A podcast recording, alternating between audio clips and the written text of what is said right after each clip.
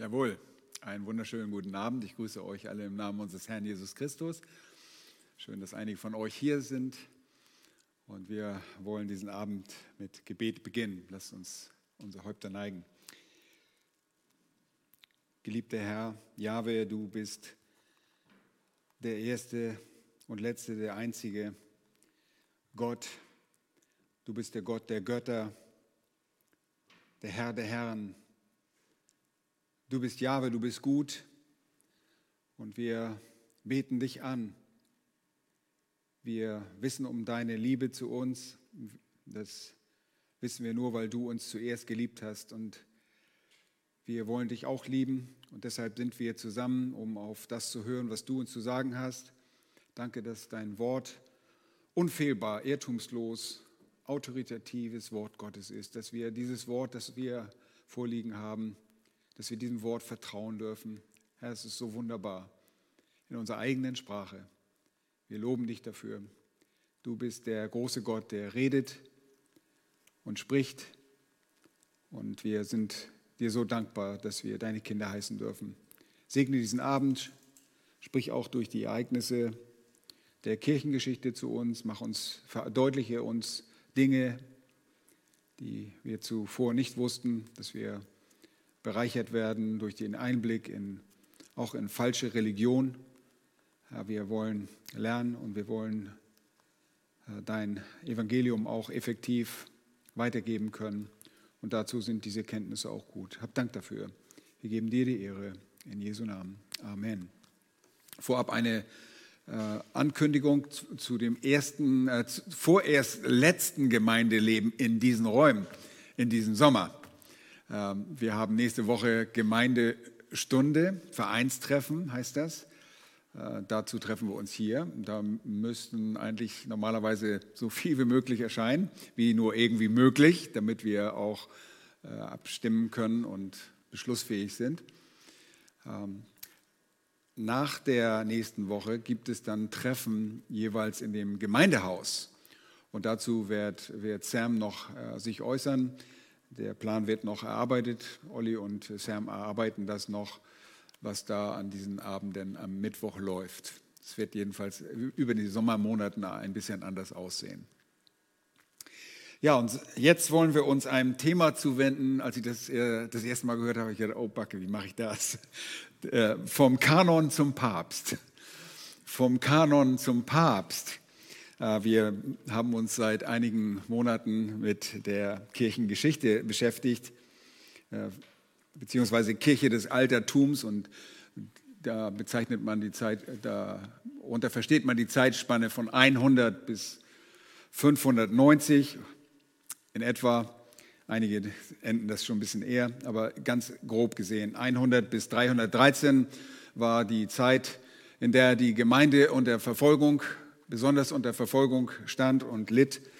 Und dann mit dem Jahr 313 beziehungsweise dann 380 äh, kam äh, Christentum als Staatsreligion, erstmal zuerst die Toleranz, Mailänder Edikt, äh, dass dann auf einmal alle im römischen Reich Christen wurden und Christen werden sollten und sogar nachher Strafen ausgesetzt wurden, wenn man nicht Christ war. das war auch interessant, das zu lesen. Nun, wir sind zunächst einmal für unsere Bibeln alle sehr, sehr dankbar, oder? Wahrscheinlich häufig nicht einmal dankbar genug, sonst würden wir sie noch besser kennen und mehr lesen und darin studieren. Dennoch, wir haben die komplette Bibel in unserer eigenen Sprache in unseren Händen oder vor uns liegen oder auf dem Smartphone. Ähm, wir denken nur selten daran und darüber nach, wie die Schrift eigentlich in unsere Hände gekommen ist. Und ich meine nicht, wie ihr sie aus dem Buchladen ausgesucht habt und, oder über einen Online-Dienst bestellt habt. Nein, die Frage, die wir beantworten wollen, ist, wie wussten die Christen von den verschiedenen Briefen, Episteln, Evangelien und äh, dass diese Wort Gottes sind und wie kamen diese Schriftstücke des Neuen Testaments zusammen? Wie wurden sie in die Form der Heiligen Schrift, Schrift gebracht?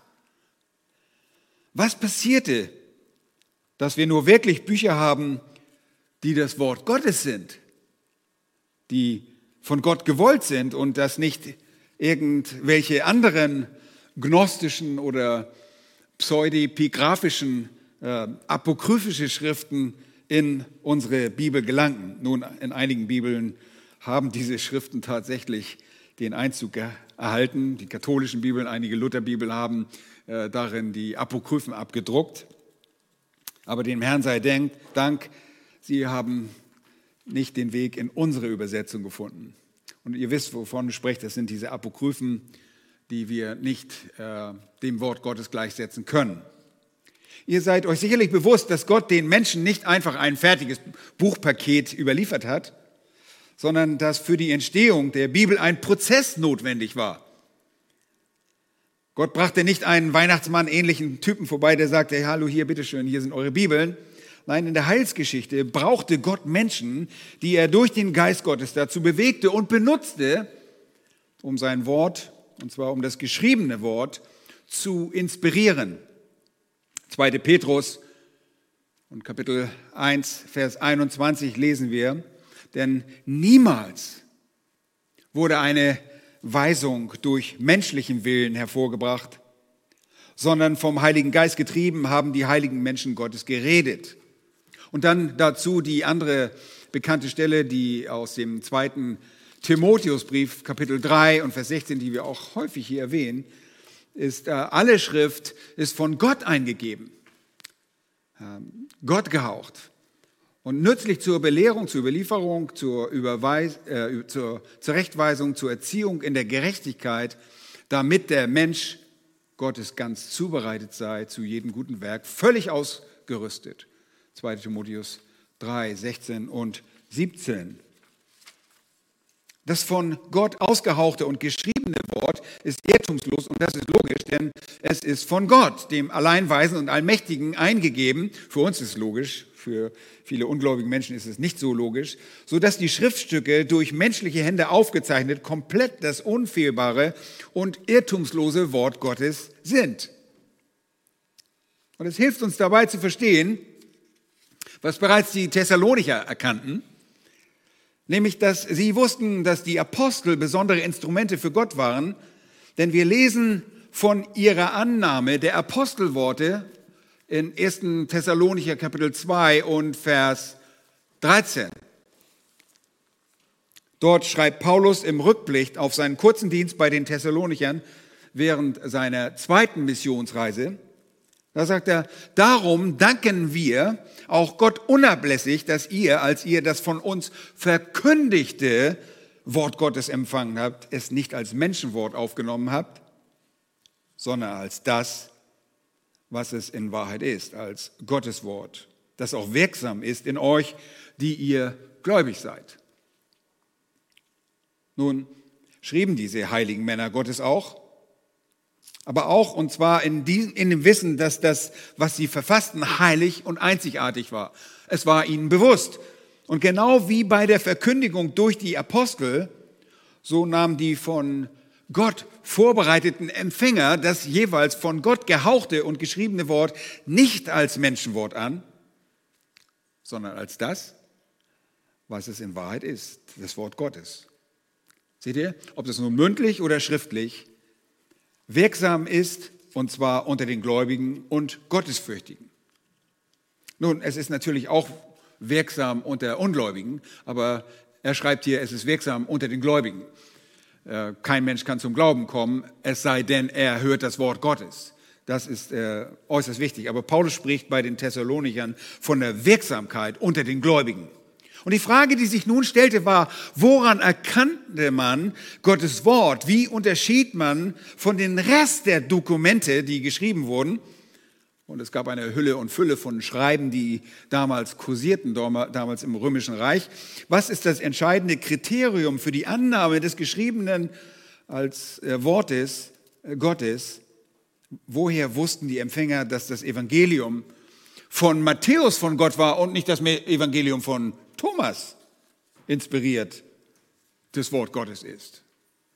Und man schreibt ein Evangelium dem Thomas zu und äh, das ist ein gnostisches Evangelium und hat absolut keine Identität mit dem, was, oder eine, keine Ähnlichkeit mit dem, was Matthäus schreibt.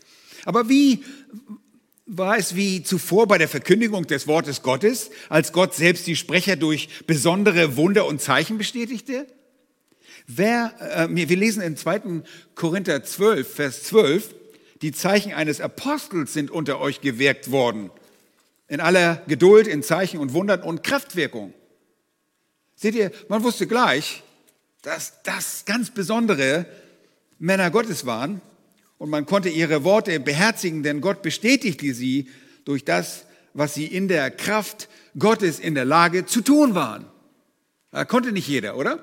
Konnte nicht jeder diese Dinge tun, die die Apostel taten. Wie verhielt es sich nun mit dem geschriebenen Wort Gottes? Nun, der schreibende Apostel oder jeweilige Schreiber, der mit den Aposteln assoziiert war, war natürlich bei Ankunft seines Briefes beim Adressaten nicht einmal anwesend. Das haben Briefe so an sich. Ne? Da bleibt der, der Schreiber zu Hause und der Brief geht auf Reisen. Es konnte sich ja auch um eine Fälschung handeln. Und davon gab es in den ersten Jahrhunderten extrem viel. Wie konnten die Empfänger der Schriften jetzt wissen, dass der Inhalt nun wirklich Gottes Wort ist? wenn das Geschriebene doch nicht in gleicher Weise die Bestätigung durch den anwesenden Schreiber gab, der in Person durch Zeichen und Wunder und Kraftwirkungen durch Gottes Einwirkung bestätigt wurde. Nun, so einen großen Unterschied gibt es wirklich nicht zwischen dem gesprochenen Wort und dem geschriebenen Wort.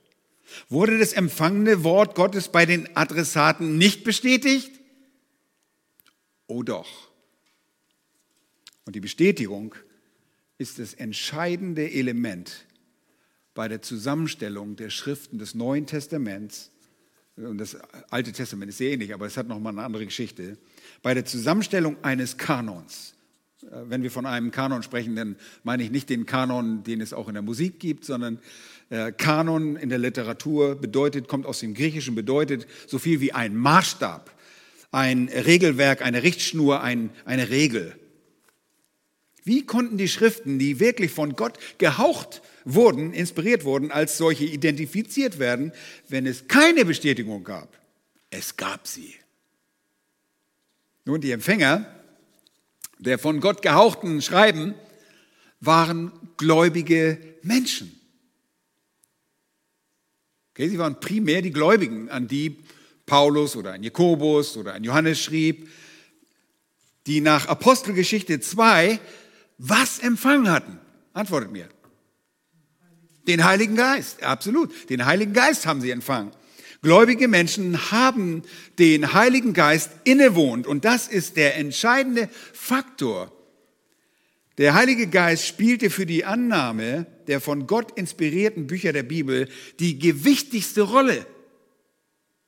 Wir lasen bereits 2. Timotheus 3, alle Schrift ist von Gott eingegeben. 2. Petrus 1, 21 schrieb Petrus, dass Gott der Heilige Geist war, der heilige Männer dazu bewegte, zu reden. Und das bezieht sich ebenso auf ihre Schreiben. Der Autor der Schrift, der Worte Gottes, ist der Heilige Geist, ist ein göttlicher Autor. Und es ist der Heilige Geist, der den Gläubigen bei Erhalt der Briefe bestätigte, dass das jeweilige Schreiben Gottes Wort war. Wie, wie ging das? Leuchtet da der Lämpchen auf oder miep, miep, miep, oder was passierte da? Nun, sie merkten, dass das, was sie lasen, mächtig war und was noch? Wirksam. Wirksam. Wir haben das gerade gelesen, 1. Timotheus 2, 13, das gepredigte Wort, das war wirksam. Es ist nur ein Wort. Ob es gepredigt ist oder ob es geschrieben ist, ist das Wort Gottes, das wirksam ist unter den Gläubigen. Und wir haben alle durch das Wort Gottes gelernt, das Wort, äh, durch, durch Wort, äh, Wort der Gnade, äh, Wort im Herzen wollte ich sagen, haben wir gelernt, aus Gnade. Aus äh, Wort im Herzen haben wir alle gelernt, denn das Wort Gottes ist lebendig und wirksam. Und es ist, was noch, schärfer als jedes zweischneidige Schwert. Und es dringt durch, bis es scheidet, sowohl Seele als auch Geist, sowohl Mark als auch Bein. Und es ist ein Richter der Gedanken und Gesinnung des Herzens. Nun, wenn wir das Wort Gottes in uns hineinlassen, es lesen und studieren, dann hat es genau diese mächtige Wirkung. Als Kinder Gottes, okay? Es heiligt uns. Und der Geist Gottes gibt uns durch die Veränderung im Leben die Gewissheit, dass er, Gott, redet. Veränderung geistlicher Art kann kein anderes Wort, kein Menschenwort, kein noch so brillantes Gedicht bewirken. Kein Wort vermag Einfluss auf mein oder dein geistliches Leben zu nehmen, als nur das Wort Gottes allein. Und das ist es, wie Gott an dir handelt, wie bereits erwähnt in 1. Thessalonicher 2, 13, wo es heißt, dass das Wort Gottes auch wirksam ist in euch, die ihr gläubig seid. Nun, wie musste man sich das vorstellen? Nun, die Schreiben wurden von den Leitern und äh, der Pluralität der Ältesten, denn äh, es gab immer mehr Älteste, das ist so Gottes Design für eine Gemeinde, den Gemeinden Gottes, die damals schon beachtet, äh, existierten. Dieses Wort wurde betrachtet, es wurde begutachtet, wenn es kam von einem Schreiber. Man fragte, von wem kommt es? Wer ist der Autor? Kennen wir die Person überhaupt oder ist es irgendwie aus dem Nichts ausgetaucht? Ähm, also von Menschen wurde es dann empfangen und von Menschen, die geistliches Unterscheidungsvermögen haben. Und das ist die Ältestenschaft. Zunächst einmal wurde es untersucht. Sie konnten Kraft des Heiligen Geistes, der in ihnen wirken, dessen Worte identifizieren, denn der Heilige Geist ist der göttliche Autor. Wenn der Heilige Geist, der die Schrift inspiriert, auch in uns wohnt, dann kann der Heilige Geist das kommunizieren und macht es deutlich. Und es ist so wahr. Äh, nehmt einfach nur mal äh, die Apokryphen zur Hand und lest da drin. Das ist ein Unterschied wie Tag und Nacht. Was machten die Empfänger mit diesen Schriften? Was machten Gemeinden, die angeschrieben worden sind von einem Paulus? Ah, das war's. Ja, schmeiß mal weg. Wieder an den Ladentisch verschwinden. Nein, sie kopierten sie und reichten sie weiter. Sie sammelten die Schriften und nahmen sie mit zu anderen Gemeinden. Und als Paulus in der zweiten Gefangenschaft in Rom im Gefängnis ist, schreibt der Timotheus, in 2. Timotheus 4,13, den Reisemantel, den ich in Troas bei Carpus ließ, bringe mit, wenn du kommst, auch die Bücher, besonders die Pergamente. Waren das vielleicht auch Sammlungen neutestamentlicher Schreiben? Sicherlich Schriften des Alten Testaments, aber möglicherweise bereits auch andere Briefe, von denen Paulus schon ein paar Kopien besaß und er wusste, dass sie Gottes Wort sind die durch den Geist Gottes inspirierten Briefe wurden gesammelt, sie wurden kopiert, sie wurden ausgetauscht.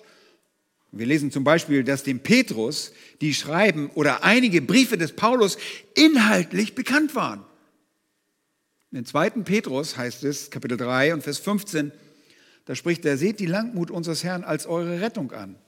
Und dann sagt Petrus, wie auch unser geliebter Bruder Paulus euch geschrieben hat, nach der ihm gegebenen Weisheit, so wie auch in allen Briefen, wo er, also allen seinen Briefen, wo er von diesen Dingen spricht. Seht ihr? Petrus wusste um die Briefe des Apostel Paulus. Dann schreibt er weiter, in ihnen ist manches schwer zu verstehen, was die Unwissenden und Gefestigten verdrehen, wie auch die übrigen Schriften zu ihrem eigenen Verderben.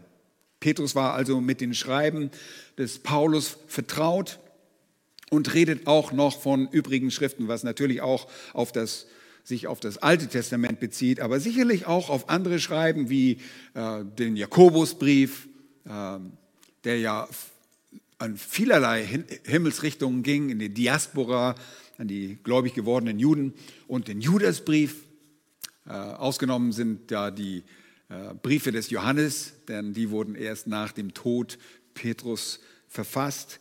In den 90er Jahren äh, auch die Offenbarung. Nun, diese als von Gott gehauchten Schreiben wurden also gesammelt und von anderen gelesen. Und in den 90er Jahren dann, mit dem Wirken des Geistes durch den Apostel Johannes, nimmt der Prozess dieser äh, inspirierten, Gott gehauchten Schriftstücke, der Prozess des Identifizierens, auch ein Ende. Für wen? Für die Gemeinde. Sicherlich haben sie sich noch gefragt, geht es noch weiter? Ähm, bis dann jemand gesagt, nee, das ist eindeutig, hier ist Schluss. Hier ist Schluss. Das geht schon aus den letzten Worten der, des, der Offenbarung hervor. Hier tun wir nichts mehr hinzu. Der Kanon ist vollständig. Und es wird schon ein paar Jahre gebraucht haben, bis alle Gemeinden im Römischen Reich Kopien dieser Schriftstücke erhalten haben. Ich meine, das, das war nicht irgendwie so, pack mal einen E-Mail-Verteiler rein und dann äh, geht es in alle Richtungen. Aber es gab wirklich große Reiseaktivitäten, auch von den Kirchenvätern. Aber wir, dürfen uns diese Menschen nicht irgendwie also als Halbaffen oder Halb, Halbmenschen vorstellen, nur weil sie keine E-Mail oder keine Flugzeuge hatten. Sie waren intelligent, produktiv und sorgsam und sahen sich ihrer Verantwortung in der Wahrung der Schrift verpflichtet. Und so nahmen sie diese Schriften mit, kopierten sorgfältig die Originale. Man hatte dann Kopien überall verteilt, nachher später im Römischen Reich und dann darüber hinaus. Und die Kirche, die sich zunehmend mehr institutionalisierte, brauchte längere Zeit, um zu den Ergebnissen der Gemeinde Jesu wirklich zu kommen. Die Kirche sah sich großen Herausforderungen gegenüber, besonders mit Beginn des Christentums als Staatsreligion. Die 27 in griechischer Sprache verfassten Schriften des Neuen Testaments wurden aber dann später Mitte des vierten Jahrhunderts von fast allen damaligen Christen als gültiger Teil des Bibelkanons anerkannt. Aber das dauerte. Und ich bin mir sicher, dass es innerhalb dieser Kirche, Kirche ist dieses große Instrument und äh, durchwachsen mit äh, auch Ungläubigen und ihr wisst, was es da für Streitereien gab, auch war es nicht so ganz so einfach. Nun, für die Patriarchen und Bischöfe der Konzile, die darüber befanden, welches Buch zu den Worten Gottes gehörte, gab es verschiedene Kriterien zur Kanonfindung. Und die sind gar nicht schlecht. Ist das Buch autoritativ? Spricht es mit Autorität? Äh, war eins dieser Punkte. Zweitens, ist es prophetisch? Das heißt, wurde es von einem Mann Gottes geschrieben? Und das war auch das, was die ursprünglichen Christen anwendete, äh, anwendeten, dieses äh, Verfahren. Äh, die Leute, die dort schrieben, waren den anderen bekannt. Paulus war den, äh, durch die ganzen Missionsreisen bekannt. Als er dann äh, den Thessalonicher schreibt, dann war er bereits bei ihnen oder den Philippern schrieb oder den Korinthern schrieb. Die kannten ihn. Und die fragen, ist es authentisch? Ist es echt oder eine Fälschung? Und es wurde, wie gesagt, es wurde sehr, sehr viel gefälscht. Es gab falsche äh, Schriftstücke, die den Anspruch erhoben, Gottes Wort zu sein. Man fragte, ist es dynamisch, mit anderen Worten, das, was wir gesagt haben, ist es wirksam mit einer lebensverändernden Kraft? Und wurde es in christlichen Kreisen angenommen, gesammelt, gelesen und auch gebraucht? Was haben die Christen gemacht? Das haben, hat man dann auf den Konzilien, auf den Synoden äh, auch debattiert. Und die Kirche kam durch die Vorsehung Gottes und den Einfluss von Männern Gottes, die es auch in der Kirche gab, wir haben ja auch von einigen schon gehört, obwohl ich glaube, es war Augustin, der, Augustinus, der dafür sorgte, dass die sieben Bücher der Apokryphen auch noch dazu kamen. Aber trotzdem, es waren Männer Gottes, es waren große Theologen und die sorgten dafür, dass äh, man klar sagte, diese 27 Bücher des Neuen Testaments sind autoritatives Wort Gottes.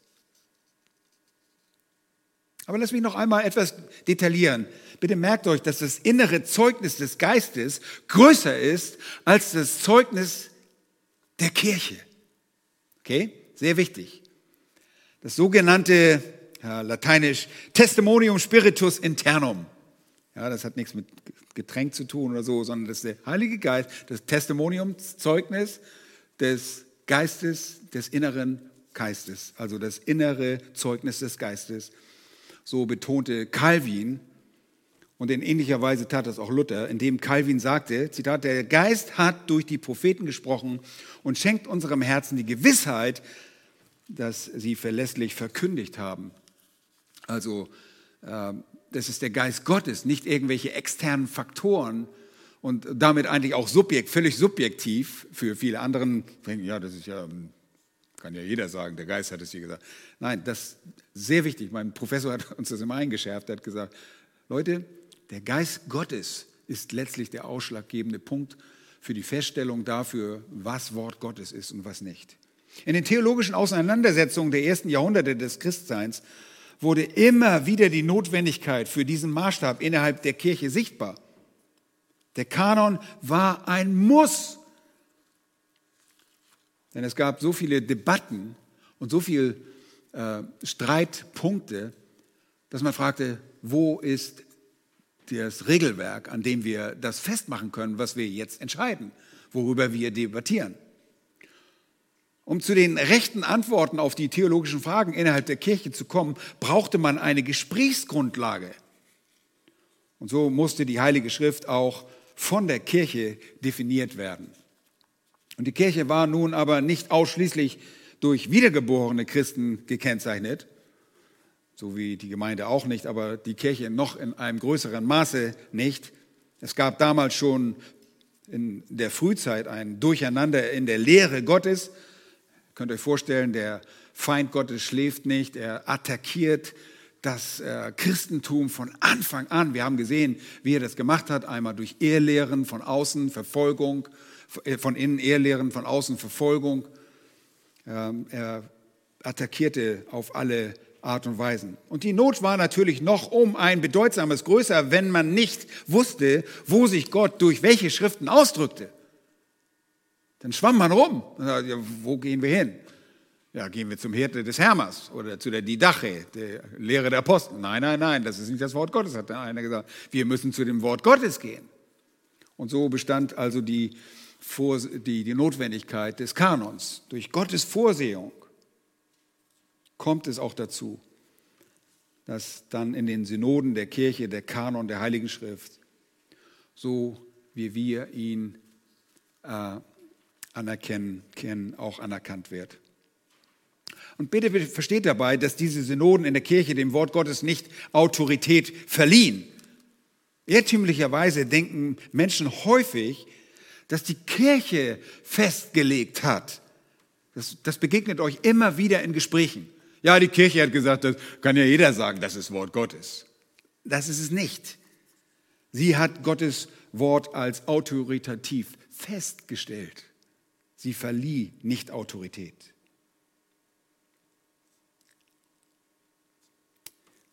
Die Schrift erhielt ihre Autorität durch den Geist. Und die Kirche, die wahre Gemeinde, stellte nur fest, welche Schriften dazugehörten. Und je länger man darüber nachdachte, dachte, desto weltlicher wurde natürlich auch die Institution Kirche.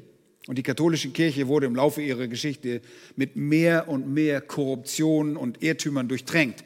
Und wir sehen heute das Ergebnis jahrhundertlanger Auseinandersetzungen und es ist kein Wunder, dass die Leute nicht verstehen, was das Wort Gottes sagt, weil man jetzt zwar das Wort Gottes hat, aber es nicht mehr beachtet. In den während der Zeiten von Christenverfolgung, geprägt durch das Einsetzen von Völkerwanderung ab dem Jahr 250, drohte das römische Reich zu zerbrechen. Die anschließende Toleranz oder ja auch sogar Verordnung des Christentums, die man sich als verbindendes und rettendes Element des Reiches auch versprach, brachte dann folgenschwere Tendenzen in der Kirche mit sich. Ja, ihr erinnert euch, und ich komme jetzt so ein bisschen zu äh, dem Werdegang zum Papst hin. Äh, schon früh in der Kirche sprechen wir von einem ähm, Ungleichgewicht in der Ältestenschaft. Ihr wisst, Gott hat Älteste eingesetzt, Älteste setzen wieder Älteste ein. Das Muster sehen wir in der Apostelgeschichte. Nachdem die Apostel Älteste eingesetzt haben, setzen Älteste wieder andere Älteste ein. Und schon früh in, aufgrund von Unsicherheiten und Verfolgung suchte man nach Autorität. Man suchte eine Autorität. Und die hatte man durch die Ältesten. Das hat Gott auch so vorgesehen. Aber es entstand früh schon ein Ungleichgewicht. Man suchte nämlich innerhalb dieser Ältestenschaft einen, der über der Ältestenschaft stand.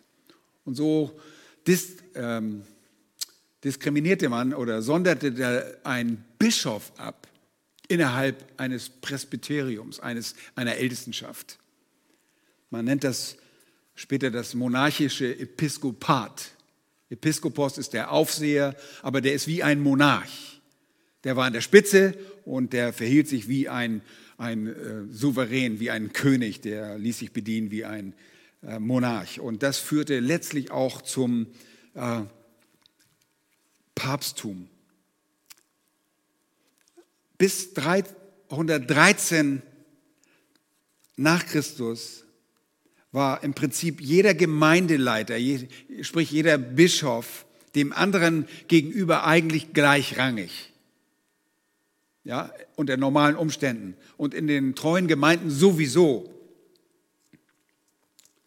Aber so kam es in den Folgejahren bis 590 nach Christus in einem langsamen Prozess zu einem, zu einem wie soll ich sagen, zu einer Übergewichtung des Bischofamtes, zu Verschiebungen. Nun, ihr wisst, dass wir äh, das Amt, das Werk eines Ältesten, dass das ein Synonym ist, äh, ob er Älteste oder Bischof ist. Wir benutzen diese Begriffe äh, wie Synonyme. Älteste, Aufseher ist ein Bischof, Episkopeo. Daniel ist zum Beispiel unser Bischof hier.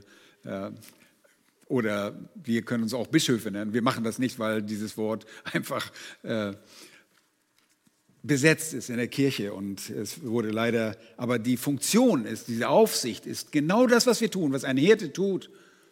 Ähm, und so kommt es zu einem Ungleichgewicht, es kommt zu Verschiebung. Was meine ich damit? Es zeichnet sich ein Vorrang bei den römischen Bischof ab. Und zwar besonders in Rom. Auch in anderen Lokalitäten, aber besonders in Rom. Und man spricht davon äh, bei, dabei von einem Primat, das er gegenüber anderen Bischöfen anderer Regionen hatte, einen Vorrang. Und dieses Primat endete letztlich im Papsttum, das schließlich die Erhabenheit des römischen Bischofs, der Papst ist eigentlich nur ein römischer Bischof mit Vorrangstellung der über alle anderen steht im Rang. Erster Papst wurde nach einigen Geschichtsbüchern äh, und nicht aus katholischer Sicht, sondern ist es Leo, äh, Leo I., andere sagen Gregor I. Da sind sich einige nicht ganz einig. Angeblich, sollte das Papsttum der Kirche dienen und für eine größere Wirksamkeit und bessere Zusammenarbeit in der Kirche sorgen. Und der souveräne Bischof Roms sollte die orthodoxe Lehre, also die rechte Lehre bewahren und streitbar vertreten, sie erfolgreich verfechten. Aber in der Realität war das ganz anders. In der Realität war das nur eine Gelegenheit für so manchen Bischof, die eigene Macht zu mehren. Das Problem war, dass viele dieser, dieser Bischöfe einfach keine Kinder Gottes waren, nicht den Geist Gottes besaßen. Vom wahren Glauben war man längst abgekommen, denn die vielen Lehrirrtümer hatten das Evangelium in den Reihen der Kirche bei vielen verdunkelt. Und das ist das riesige Problem. Und das ist heute noch so. Das Evangelium ist verdunkelt. Und wenn das Evangelium verdunkelt ist, dann kann es kein Leben geben. Und es ist heute noch zappenduster in diesen Kirchen, nicht nur in der katholischen, sondern auch in der evangelischen. Aber wie kam es zum Papsttum? Warum sprach man von einem Papas, Vater in der Kirche? Hatten die Geistlichen der Kirche nicht Matthäus 23, Verse 8 und 9 gelesen oder diese Verse einfach nur bewusst ignoriert? Was steht dort? Matthäus 23, ihr aber sollt euch nicht Rabbi nennen lassen. Denn einer ist euer Meister, der Christus, ihr aber seid alle Brüder, nennt euch niemand auf Erden euren Vater. Denn einer ist euer Vater, der wo ist? im Himmel ist. Nicht auf dem Thron irgendwo oder auf irgendeinem erhobenen Stuhl in Rom, sondern im Himmel. Wie lässt sich der Papst ansprechen? Heute, wie damals, Heilige Vater. Im geistlichen Sinne ist Gott unser Vater, nicht der Bischof von Rom. Es ist eine geistliche Realität, dass wir mit der Toleranz von Sünde und Ehrlehre auch ein Erblinden geschieht. Die wurden immer blinder. Und geistliche Wahrheit werden für, dann für den eigenen Vorteil ausgeschlachtet und der Blick für die Wahrheit geht total abhanden. Nun, wie kam es dazu? Erstens gab es dafür politische Ursachen. Bis zum Jahr 330 war Rom das Machtzentrum des römischen Reiches. Aber wir müssen realisieren, was dann geschah. Unter Kaiser Konstantin, von dem ihr durch Daniel schon gehört habt und wahrscheinlich schon selbst belehrt worden seid, wurde die Kirche, die bisher kein positives Verhältnis zum Staat hatte, mit einem Mal Staatsreligion. Okay, das war auch so ein Prozess. Er hat das erstmal toleriert, der hat das Christsein toleriert, der hat die anderen Religionen auch äh, noch toleriert und dann später wurde Staatsreligion verordnet. Das müsst ihr euch vorstellen. Und mit dieser Veränderung wurde gemäß der göttlichen Vorsehung die gesamte zivilisierte Menschheit jener Zeit, nämlich die primär griechisch-römische oder römisch-griechische Welt, in den Bereich des christlichen Einflusses gestellt. Müsst ihr euch mal vorstellen. Da kommt die, alle möglichen Heiden zusammen, dieses Multikulti, und die sagen, ihr müsst jetzt Christen sein. Und auf diese Menschenmenge der damaligen griechisch-römischen Welt konnte das Christentum aber nur Einfluss nehmen, wenn es sich irgendwie diesen Heiden anderer Kulturen und Glaubensüberzeugungen annehmbar gestaltete. Kann man sich vorstellen, ne? Die sagen, pff, Christian, meine Güte, ja gut, sonst verliere ich meinen Kopf vielleicht noch. Aber wie kann man, wie kann man die irgendwie gewinnen? Das Christentum musste sich gewissermaßen veräußerlichen. Und genau das geschah mit Konstantin und den folgenden Jahrzehnten und Jahrhunderten. Das Christentum musste sich gewissermaßen veräußerlichen und den beschränkten und nicht einsichtigen Völkern der damaligen Zeit sich annähern. Zum Schluss der vorangegangenen Epoche hatte die Kirche bereits eine Reihe weltlicher Elemente angenommen und dadurch den heidnischen Menschen die Annäherung auch ermöglicht. Aber ein geschichtlich früheren Übertritt eines römischen Kaisers wäre wahrscheinlich weltgeschichtlich ohne Wirkung geblieben. Es war genau der richtige Zeitpunkt.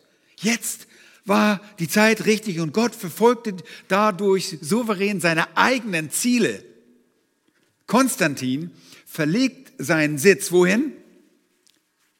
Nach Byzanz, ja, nach Konstantinopel. Könnt ihr euch merken, Konstantin fährt Opel. Konstantinopel, ja. Also das ist das Byzantinion, hieß es, oder Byzanz.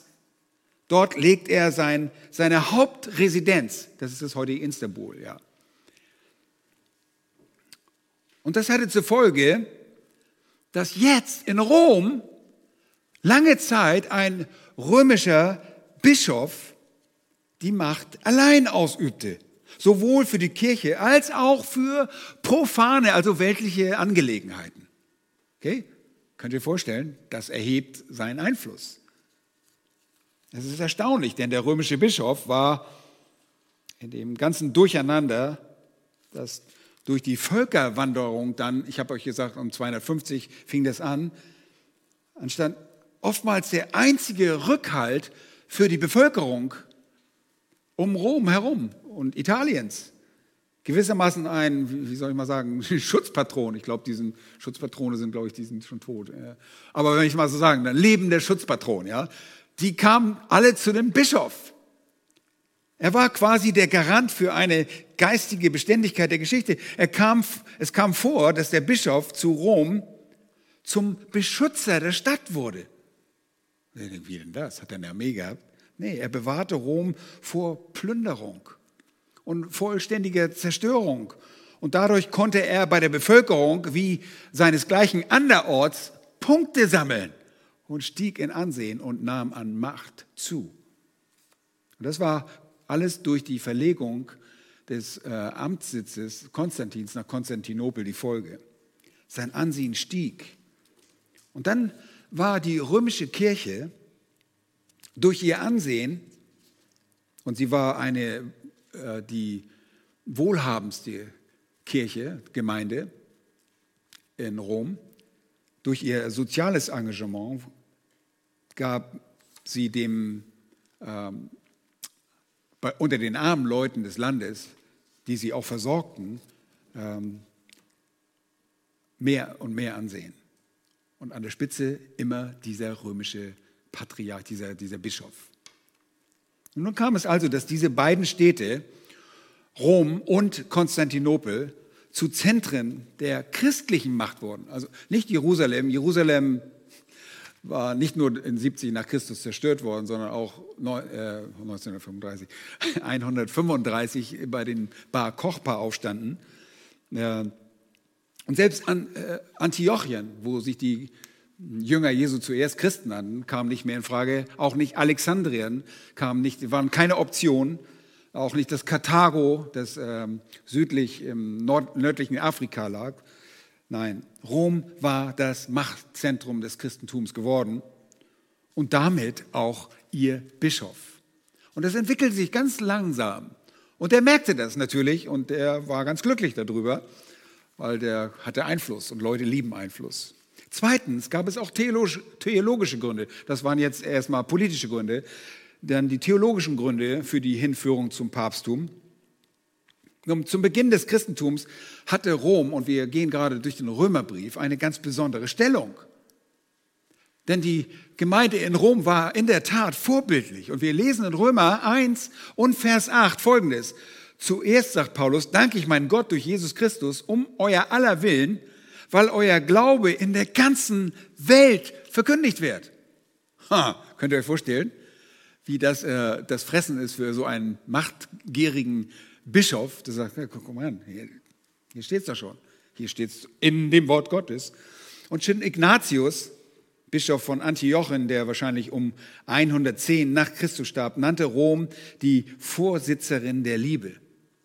Wörtlich sagte er, Zitat Beginn, ja, sie führt den Vorsitz in der Liebe, gotteswürdig, ehrwürdig, preiswürdig, lobwürdig, würdig, dass man sich mit ihr vereine. Zitat Ende. Nun, die letzte Bemerkung, äh, die steht, die wird sehr, sehr umstritten, dass man sich mit ihr vereine, wurde unterschiedlich ausgelegt und umkämpft, aber es gab dem Ganzen im Laufe der Jahrhunderte dennoch Vorschub, dass Rom immer mehr in den Vordergrund äh, geriet. Und auch Irenäus, Irenäus, ich sage immer Irenäus, Irenäus äh, sagte zum Ende des zweiten Jahrhunderts, mit der römischen Kirche, nämlich muss wegen ihres besonderen Vorranges jede Kirche übereinstimmen. Das heißt, die Gläubigen allerwärts, denn in ihr ist immer die von den Aposteln stammende Tradition bewahrt worden. Zitat Ende. Und das hatte vor allem auch mit einem Konzil im Osten zu tun. Und das ist das Konzil von Konstantinopel. In 381 erkannte, dieses, erkannte man auf diesem Konzil das Primat des heiligen Stuhls an. Während der Patriarch von Konstantinopel immerhin das Würdeprimat gleich hinter dem Bischof in Rom erhielt. Und so waren beide glücklich. Sie waren ja weit genug auseinander, aber jeder hatte so seinen Bericht, äh, Bereich, Ostkirche, Westkirche. Und das sind so die Hintergründe theologischer Art. Das ist noch viel komplexer natürlich, aber so, so zusammengefasst könnte man das sagen. Und der dritte Grund war auch, dass äh, war die Missionstätigkeit in Rom. Ja, die Kirche war missionarisch aktiv. Die Kirche in Rom profitierte durch ihre Lage und hatte das größte Wachstum zu verzeichnen. Man, es gab viel Verkehr, viele kamen durch Rom und tatsächlich gab es natürlich auch eine wahre Gemeinde. Aber selbst die Vandalen, oder die, die, die, äh, wie hießen die, Germanen, die kamen, ja, wurden teilweise bekehrt. Ähm, Die Kirche profitierte also nicht nur durch die Lage, sondern einfach dadurch, dass ähm, in anderen Patriarchaten gingen die Schafe verloren, aber Rom konnte positiv auf die Völker vieler, vieler germanischer Völker, wollte ich sagen, hinweisen. Im Jahre 496 nämlich trat der Frankenkönig Ludwig zum Christentum über. Könnt ihr euch vorstellen, das ist, gibt dem natürlich einem, wiederum einen großen Vorschub, wenn da so ein Bischof an der Macht steht und sagt, guckt euch an, wir haben jetzt die Germanen auf unserer Seite, Klodwig. Und das vereinigt er im gewissen Sinne auch. Und zudem gab es in äh, Rom tatsächlich auch eine Reihe fähiger äh, Bischöfe.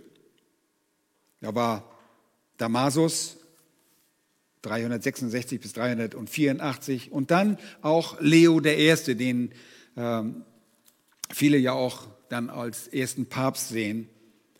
Er war durchaus fähig und ließ sich auch sehr gerne als Papas ansprechen, dieses griechische Wort für äh, Vater oder ließ sich dann auch ähm, äh, Papst nennen. Und daraus entstand auch später erst dann der Titel Papst. Und er war klug und er konnte auch mit dem anstürmenden König der Hunnen, äh, Attila, im Jahre 452, er konnte ihn überreden, Rom nicht zu zerstören. Aber der Überlieferung nach ist da ein, äh, durch das Ganze ein Flüchtlingsstrom entstanden und in Gang gesetzt worden. Und äh, so wird auch die äh, Gründung Venedigs ähm, durch führende Historiker belegt. Ähm, ein, ein Flüchtlingsstrom durch diesen Ansturm der Hunnen und sie flüchteten praktisch dann in die Lagunen. Und das ist Venedig, ja. Dann im Jahre 455 kam Geiserich mit seinen Vandalen. Ja, kennt ihr sicherlich dieses Sprichwort, ihr Haus hier wie die Vandalen, äh, kann man mit V oder W schreiben. Die kam aus Nordafrika und zwar nach der Ermordung Valentinians, der Dritte in Italien, kam er nach Rom. Und Leo I konnte verhindern, dass trotz der Plünderung, Vandalen plündern nun mal, ja, die plündern alles aus, und dessen, dass er das Niederbrennen dieser Stadt verhindern konnte. Ja, also die, der Geiserich, der sagte, okay, wir werden niemanden umbringen, wir werden keinen ermorden, wir werden keine vergewaltigen und wir werden äh, nicht die Stadt niederbrennen. Das schaffte immerhin Leo I. Und dadurch steigt man im Ansehen bei der Bevölkerung. Nun, er selbst bestand darauf, dass seine Rechtsprechung im Rahmen der Kirche als letzte Instanz anerkannt wurde und seine Befugnisse waren tatsächlich sehr groß. Und einige nannten ihn deshalb schon Papst und es gibt einfach in Geschichtsbüchern unterschiedliche Ansichten. Äh, ihr wisst, dass nach der katholischen Kirche war, wer der erste Papst? Petrus. Ja, und dann gibt es Listen von ähm, Bischöfen, die angeblich Päpste waren, aber da gibt es keine Zahlen dazu. Keine Jahreszahlen und das, die Listen sind eigentlich un, unnütz. Man kann sie eigentlich gar nicht gebrauchen. Aber da gibt es ganze Listen von, äh, von der Papstfolge, den Nachfolger, den Vertreter Jesu, wie die Kirche sagt, auf Erden. Aber sie sind nicht authentisch. Und so gibt es unterschiedliche Auffassungen. Die einen sagen Leo der Erste, die anderen sagen Gregor der Erste. Ihr kennt sicherlich die gregorianischen Gesänge, die er auch eingeführt haben soll, der dann um 590 der erste Papst war, geworden ist. Oder eben, äh, wie andere sagten, Leo der Erste. Ja, das ist ganz grob, wie sich das ergeben hat. Nochmals, die Kirche des Altertums unter könnt ihr in zwei Teile einteilen. Ähm, die Zeit der Verfolgung bis 313 und dann von da an bis zum ersten Papst ist die Kirche des Altertums. Und ihr seht, sie waren zu Anfang erstmal der Verfolgung ausgesetzt. Ganz zuerst, noch in biblischen Zeiten, waren, war es Verfolgung durch die Juden, dann durch die römischen äh, Kaiser Und äh, dann wurde dem ein Wechsel aufgesetzt und da gab es auf einmal andere Herausforderungen. Ähm, aber durch all das hindurch hat Gott immer seine Kinder gehabt. Sein Wort stand, man wusste, sein Wort äh, ist die Wahrheit, man kann sich auf dieses Wort verlassen und es war ich habe wirklich so viel gelesen. Ich war ein bisschen frustriert, teilweise über Kirchengeschichte zu lesen. Ich wusste, Kirchengeschichte ist nie leicht zu beurteilen. Und man möge mir vergeben, wenn ich was falsch beurteilt habe. Äh, es ist einfacher mit der Bibel zu wissen, dies ist absolut wahr. Aber es gibt so viel Lüge und so viel äh, Täuschung und ähm,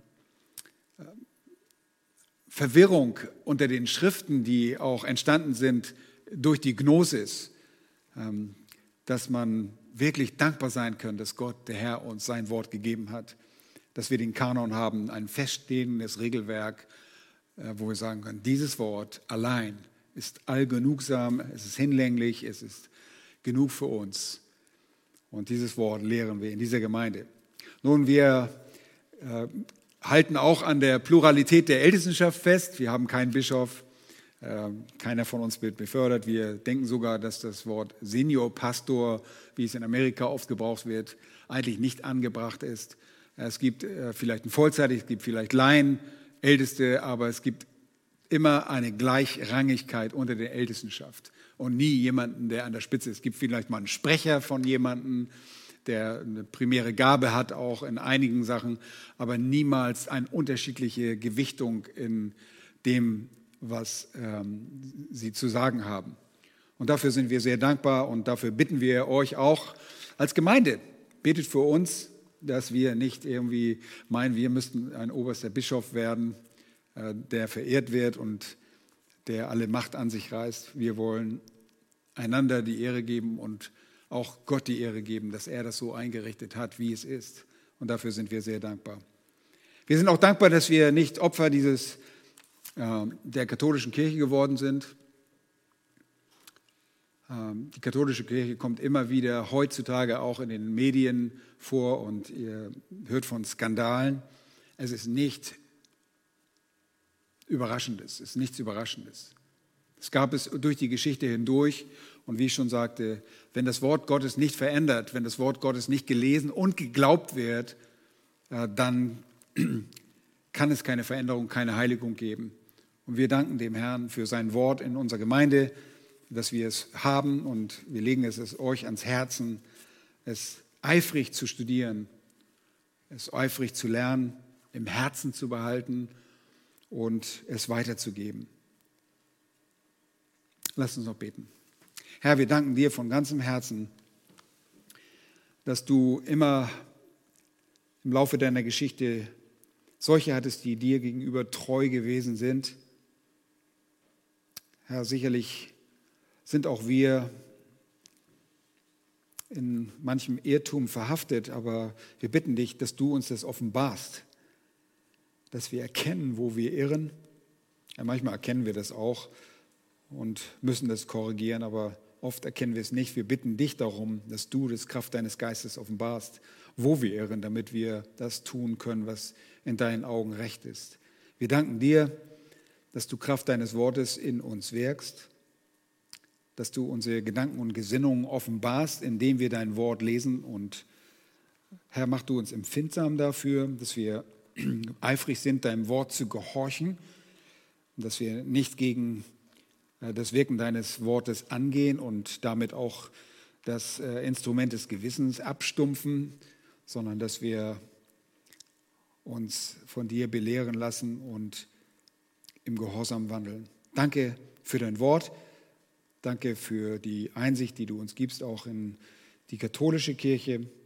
Herr, wir wissen, dass auch in der evangelischen Kirche dein Wort nicht mehr hochgehalten wird, dass es zerpflückt wird, dass es ähm, ähm, auseinandergenommen wird und äh, nicht mehr für bare Münze genommen wird. Bewahre uns davor. Herr, wir stehen nicht über diesen Vorgängen, die in der Geschichte stattgefunden haben. Auch wir sind nicht davor gefeit, in Irrtum zu geraten. Selbst in der Offenbarung mussten die Gemeinden angeschrieben werden und ermahnt werden. Wir bitten dich, dass du uns vor diesen Irrtümern bewahrst und korrigierst, wo wir zu Korrektur brauchen. Hab Dank dafür. Wir geben dir die Ehre für diesen Abend. Segne uns jetzt auch auf den Nachhauseweg um deines Namens willen. Amen.